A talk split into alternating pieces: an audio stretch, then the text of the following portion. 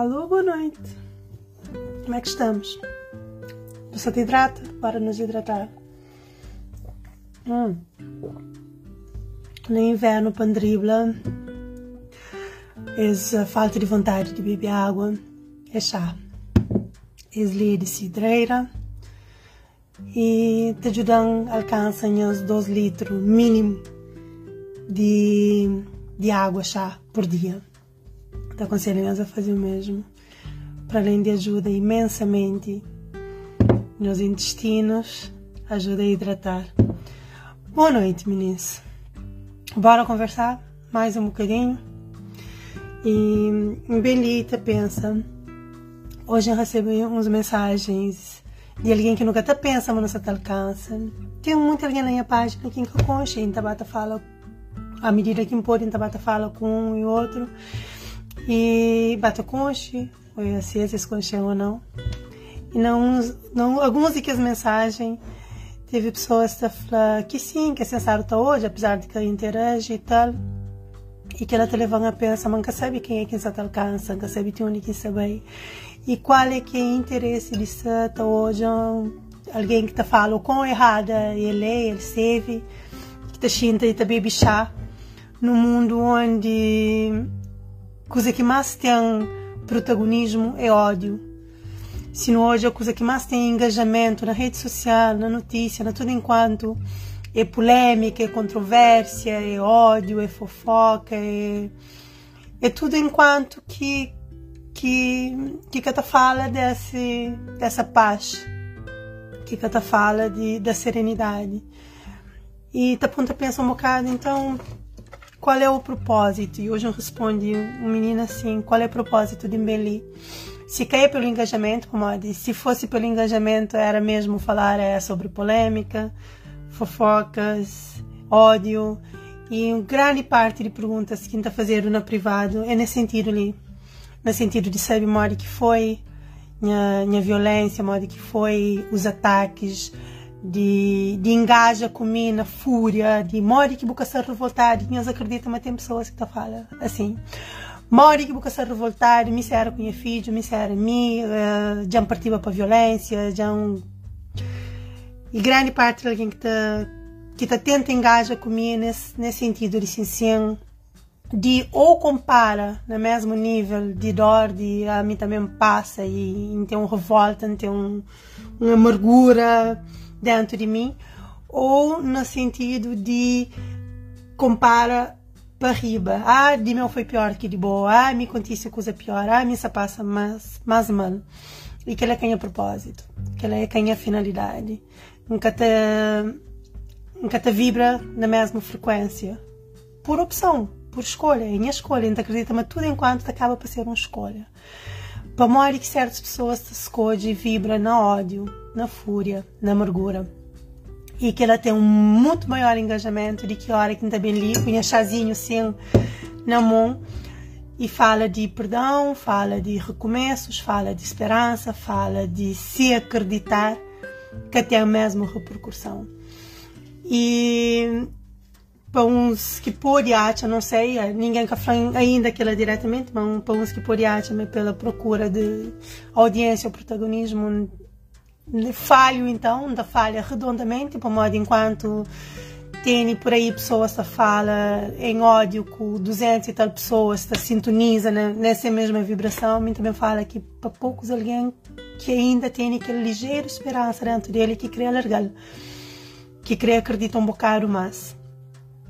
Então nunca te responde, nunca te responde uh, acerca de ataques, nunca te responde acerca de morte que tenta cometer suicídio, nunca te responde de de passos que ainda, enquanto errada, então sim responsabiliza e, e flamanda que estes passos, mas sem descreve como nunca crê para ninguém mais para aquele caminho lá. Antes, pelo contrário. Nunca crê para ninguém só te engaja naquele que me esteve durante 40 anos preso nele. Que é pena, que é vítima, que é a fúria, que é o ódio. E uma vez me refere ao fato de durante minha criancice, dorme com uma arma debaixo de minha travesseiro.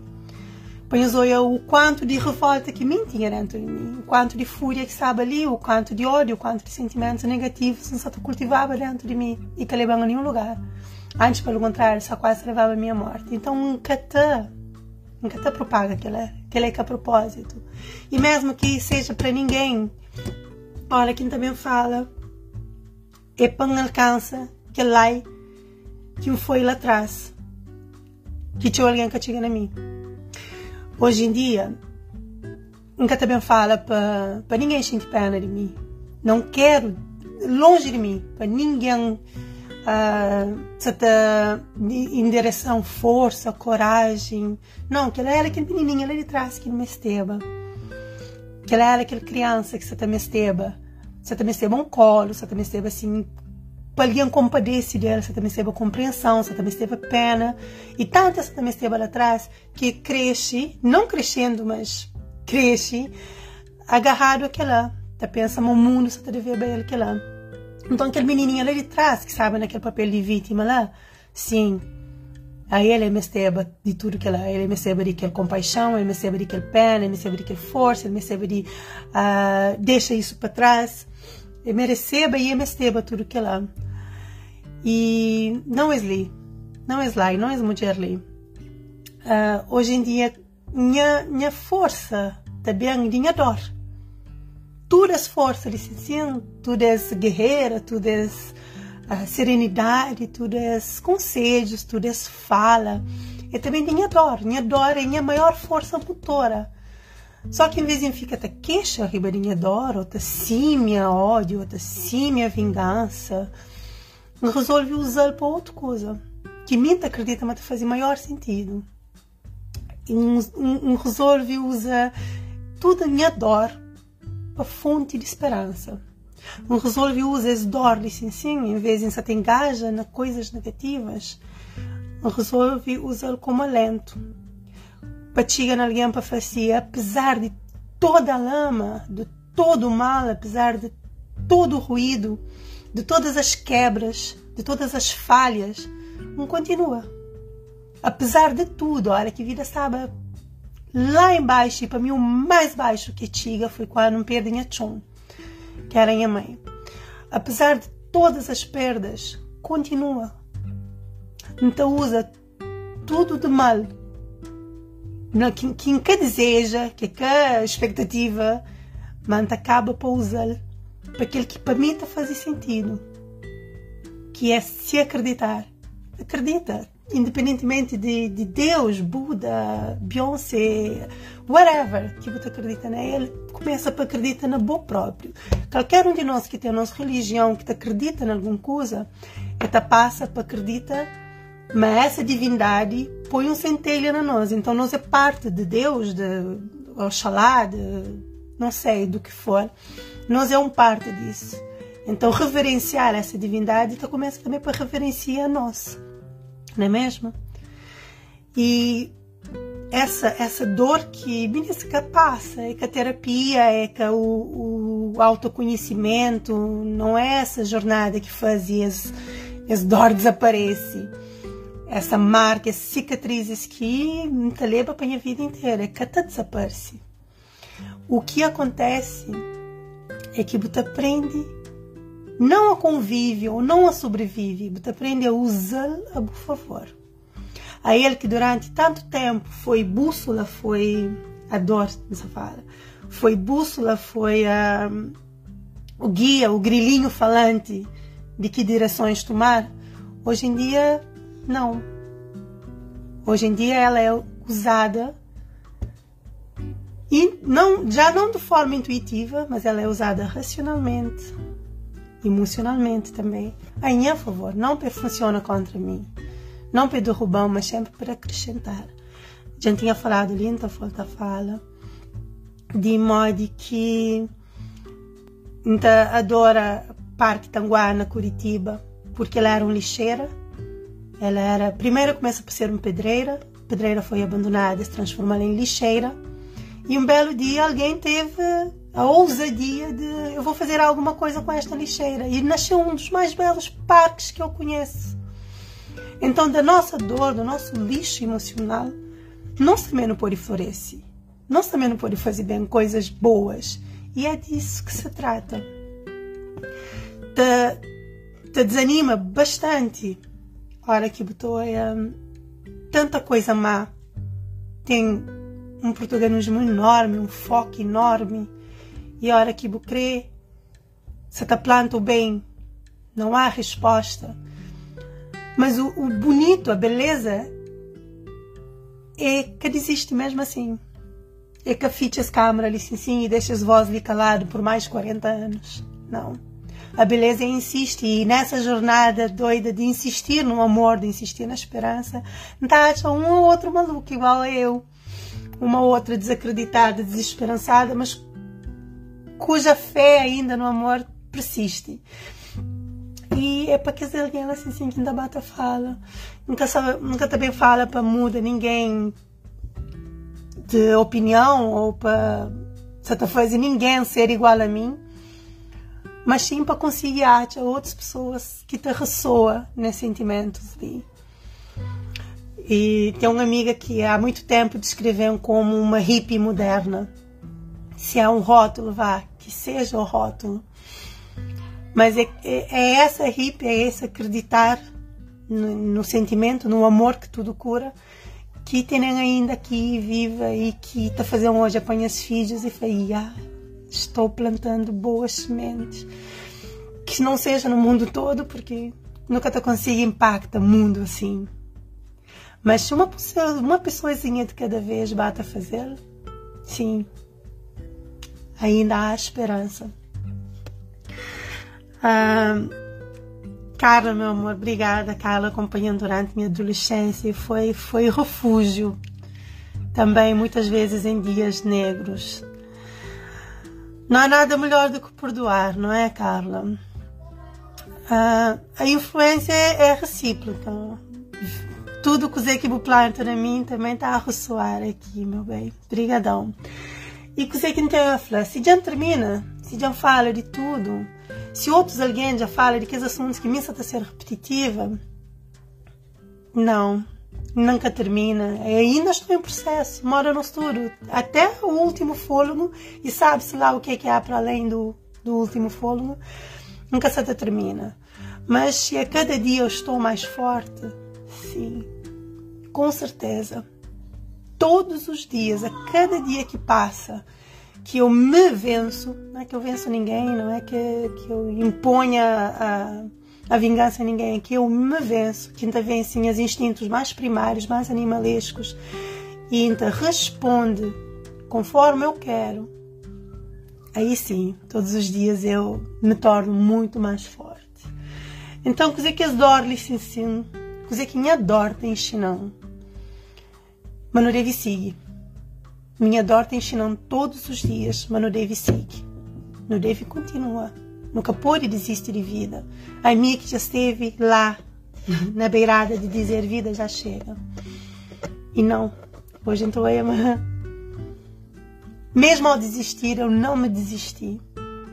Então eu adoro te ensinar e aquele ensinamento assim, assim, que ainda passa minhas meninas, que também fala dela. Eu adoro te ensinar, para mais grande ele é mais dilacerante, mas isso acaba comigo. Nunca deve desistir, porque do outro lado há mais. Há aprendizado, há fortalecer, há encontros maravilhosos com pessoas maravilhosas. Há uma palavra para troca, um dia hora que minsa mais forte para dar, outro dia hora que minsa menos forte para recebe. Não bate o desânimo, sim, bate, bate muito. Na cima, hora que então é pessoas com uma potencialidade enorme que está usando. Bate sim um desânimo, mas não bate a desistência, já não, já não mais.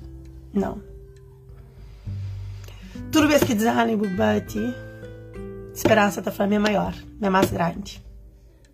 E só ele é maior, só ele é mais grande, para morrer fé na minha cabeça, para morrer sabe, mas já cair de joelho, já rala, joelho bem ralado, e mesmo assim já levanta e corre maratonas. É isso que eu quero falar para todo mundo. É, não em jeito de profeta, é só uh, repetir a mensagem que lá no fundo nós todo não sabe. Que é possível. É sim possível. Então pega, boca cabeça dentro, o mambo foi no bem. bora, eu consigo. Se tem que mudar, vamos mudar. Se tem que transformar, vamos transformar. Se tem que ir da costa, vamos dar as costas a A, B e C. Se tem que fechar as portas, abre janelas, whatever, o que for. Bora, bora. É possível sim. Na qualquer situação que está. É possível. E não pode ter 100% de fé na nós. Mas um ligeiro acreditar, o suficiente. Hora esta fé é preciso 5 minutos de coragem para a vida não guinada. Que me esquecer, vou me encher de toda a força do mundo, toda a coragem. Cinco minutinhos de coragem. E dá o pulo. A partir daí as velas vão se ajustando, tá? E é acerca disso, malta. A menininha do chá que se recusa a deixar a amargura e o ódio tomar conta, tomar o leme. E assim vou continuar. Quem que quiser junta, vamos nisso, tá? Beijão, meninas. Muito boa noite e muito obrigada. Mesmo. Panhos junta.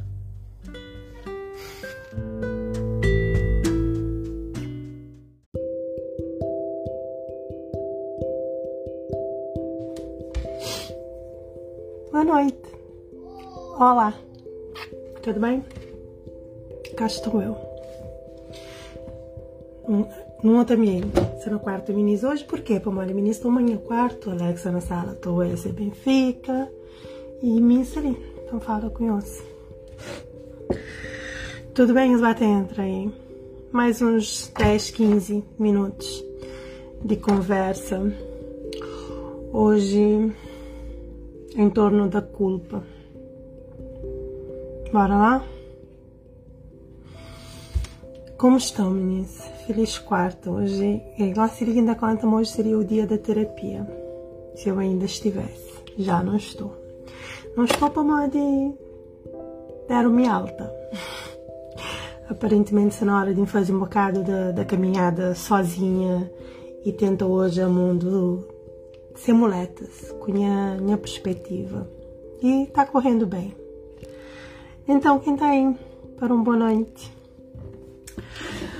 Maltas, esses dias não tenho falado nós ali na live acerca de modo que nós, principalmente mulheres, para modo que mulheres sinta fala, é para mulheres sinta fala, modo que não tá, e é claro que homens é bem-vindo, essa causa é de todos, manter essa fala, modo que não tá vive preso dentro de nós, modo que não tá passa anos, tá acredita mas nós é incapaz, mas nunca tu consegue ultrapassa desafios que não tem diariamente, modo que não tá mas nós é muito menos do que aquele que nós realmente é.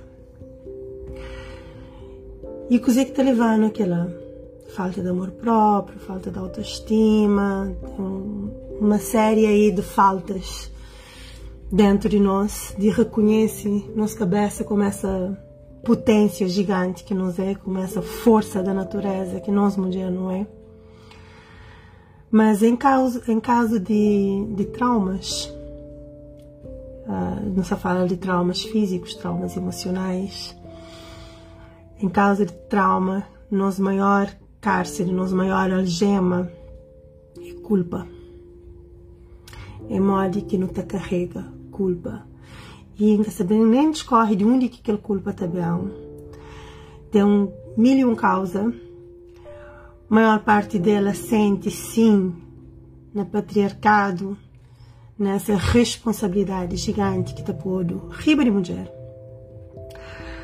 Mas hoje em que fala é dessa culpa que não está auto-impõe nos cabeça. O modo não tem ensinado desde muito jovem desde criancinha, qual é que é passos que não deve tomar, coisa que não deve ser para não ser boazinha, ser a menina simpática, a menina boazinha, a menina que faz tudo direito. E então acredita a maior parte de nós não ensinaram bem para esse caminho.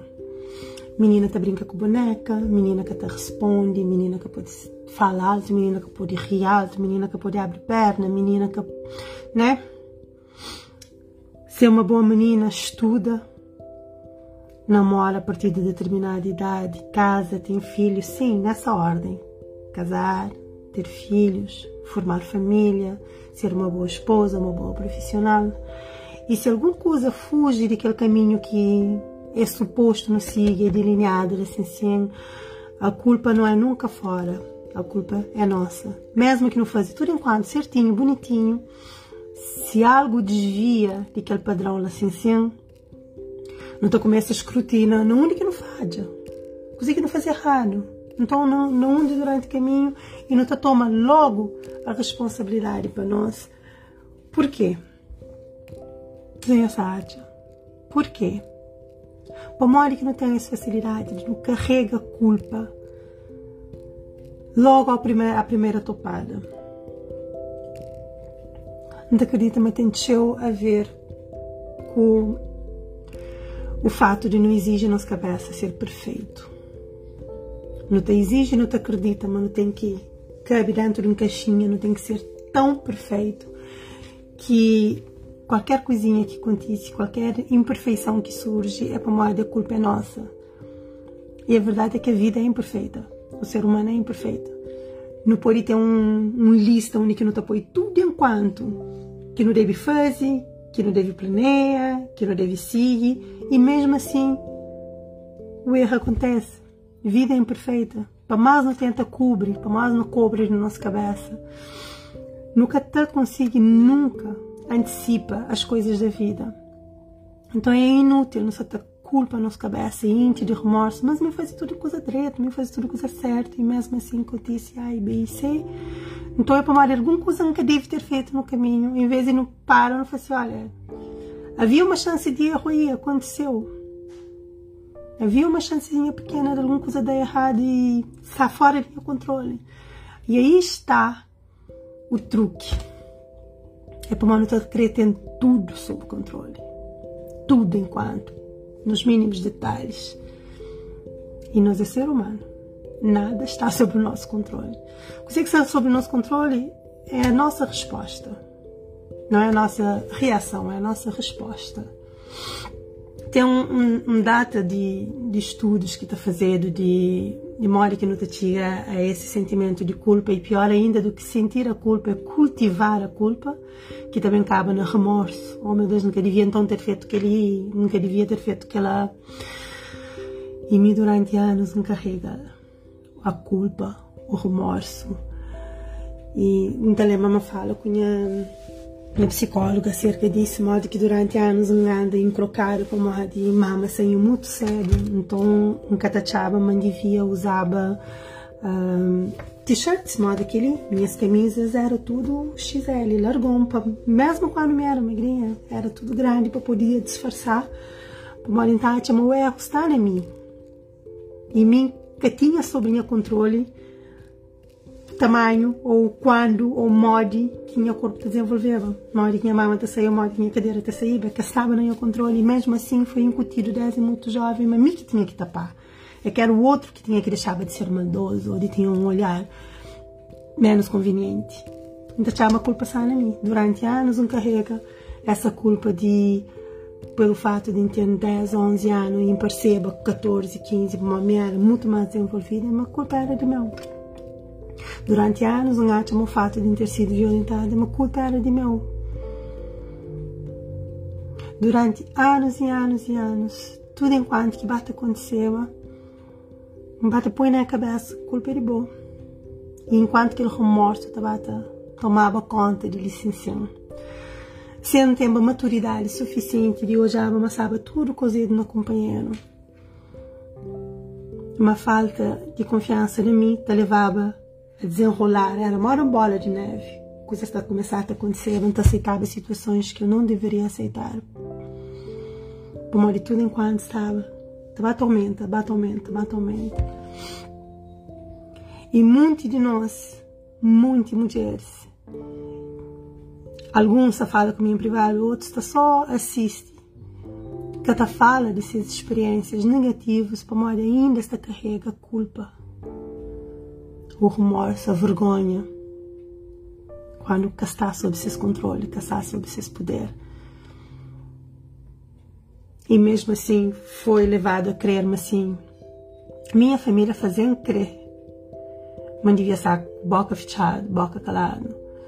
O fato de, de sair inconformada, mas era errado. O fato de tenta chamar atenção da minha família porque que você está passando, mas era errado, mas que ela tinha que ficar dentro de família, mas que podia ser sair fora. Uma de maturidade também emocional foi passada a mim que lá. O que só faz e aumenta ainda a culpa. É difícil, não entende, mas nunca pode controlar tudo enquanto na nossa vida. E esse querer exercer esse domínio, esse controle, ele se sente também é sinal de desequilíbrio.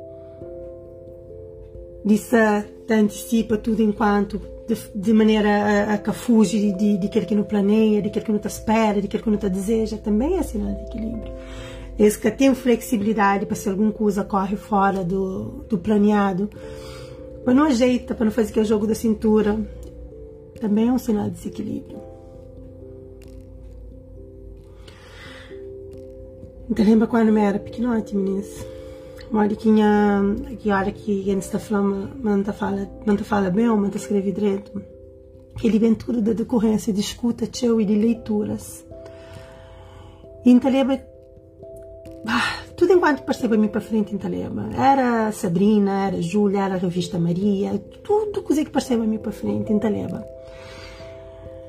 E para Mori que lá, agora me descobri para Mori que lá, era uma maneira de desassociar mesma coisa que hoje em dia não está fazendo com redes sociais, scroll, bata ler da vida dos outros, bata hoje a coisas que que passatempo, bata hoje as séries, que é passatempo, é uma maneira de nos desassociar de nossa realidade. E minha altura não usava leitura para desassociar, para fugir para aquele mundo imaginário, assim, sem que tinha que encarar a minha realidade.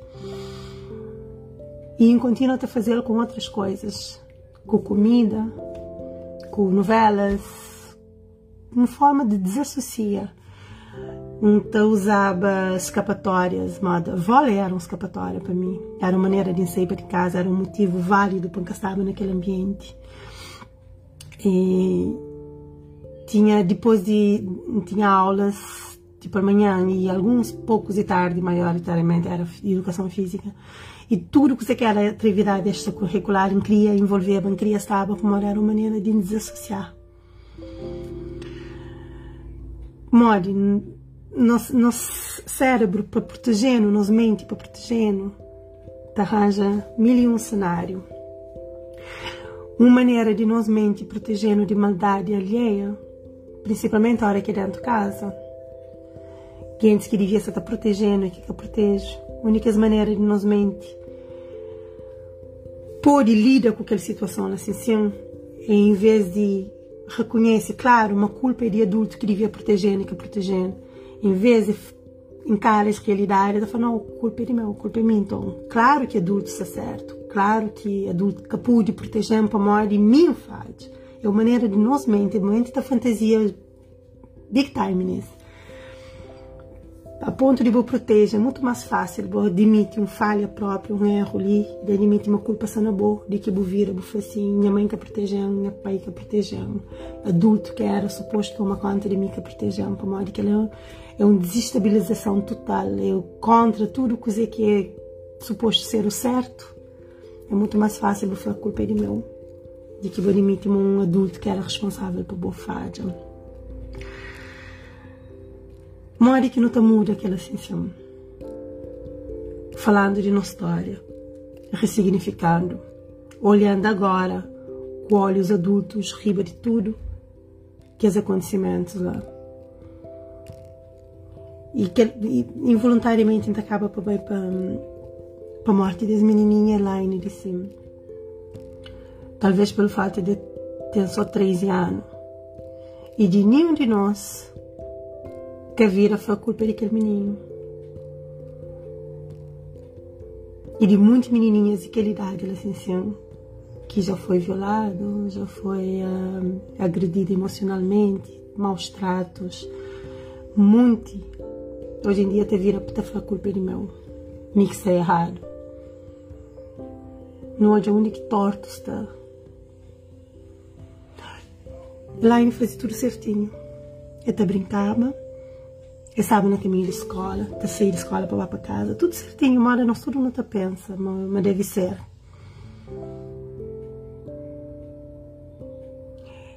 E em algum ponto de cabeça desses protetores deve estar onde quem faz o que quem faz errado. Olha, nossa cabeça também diretamente para a culpa, que não faz errado. É sim necessário não tomar responsabilidade, é que a culpa é a responsabilidade na parte que nos cabe.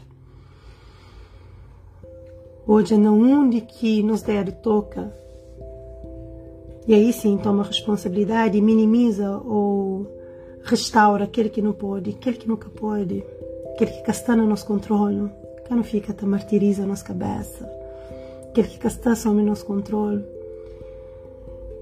que não fica te remoe e te carrega remorsos pela vida toda. Para que está no nosso controle. Não está. Há coisas que não vão estar. Tem uma coisa que Alex está repetindo sempre. Boca te pode protege os filhos de tudo enquanto. Boca te pode controla suas vidas para sempre de tudo enquanto. O máximo que não pode fazer é dotar de ferramentas sendo a maior ferramenta o amor, o máximo que não pode fazer é trazer ferramenta para que vida saia de controle também percebe more que esta balança. E mesmo o conceito que terão conhecidos é aquele que te leva para a vida. Nunca sabem pôr de controle a todo enquanto, nunca sabe se no virar da esquina a tristeza não me levará às portas da depressão. Não sabe não se até mune a cabeça hoje de ferramentas o suficiente para se que ela aconteça, não sabe uma quinta combate. Não, não sentido de evita de controle, de estar com a checklist em dia de modo que deve fazer, não. Mas sabe, mantém capacidade de se cair lá na frente e levanta. E que ele é o máximo que não pode fazer nisso. Muito mais que carrega culpa que não é nada produtivo. Não carrega então instrumentos sabedoria, maturidade, serenidade. Para a hora que vida bem com a força toda jogando na canela para não falar ok. Não sabe uma quinta recupera. Pode levar tempo, pode ser dolorido, mas eu sei. E eu vou ultrapassar. Certo? Então é isso, malta. Culpa. Culpa é baixo. Culpa te vibra muito baixo culpa alguém, culpa a nossa cabeça. É uma vibração muito baixa. Não responsabiliza, sim. Tenta repara, tem onde que não pode. Prende com as coisas que não correram bem. E siga. É o que nos resta. Seguir. Beijinhos. Boa noite. Esse que o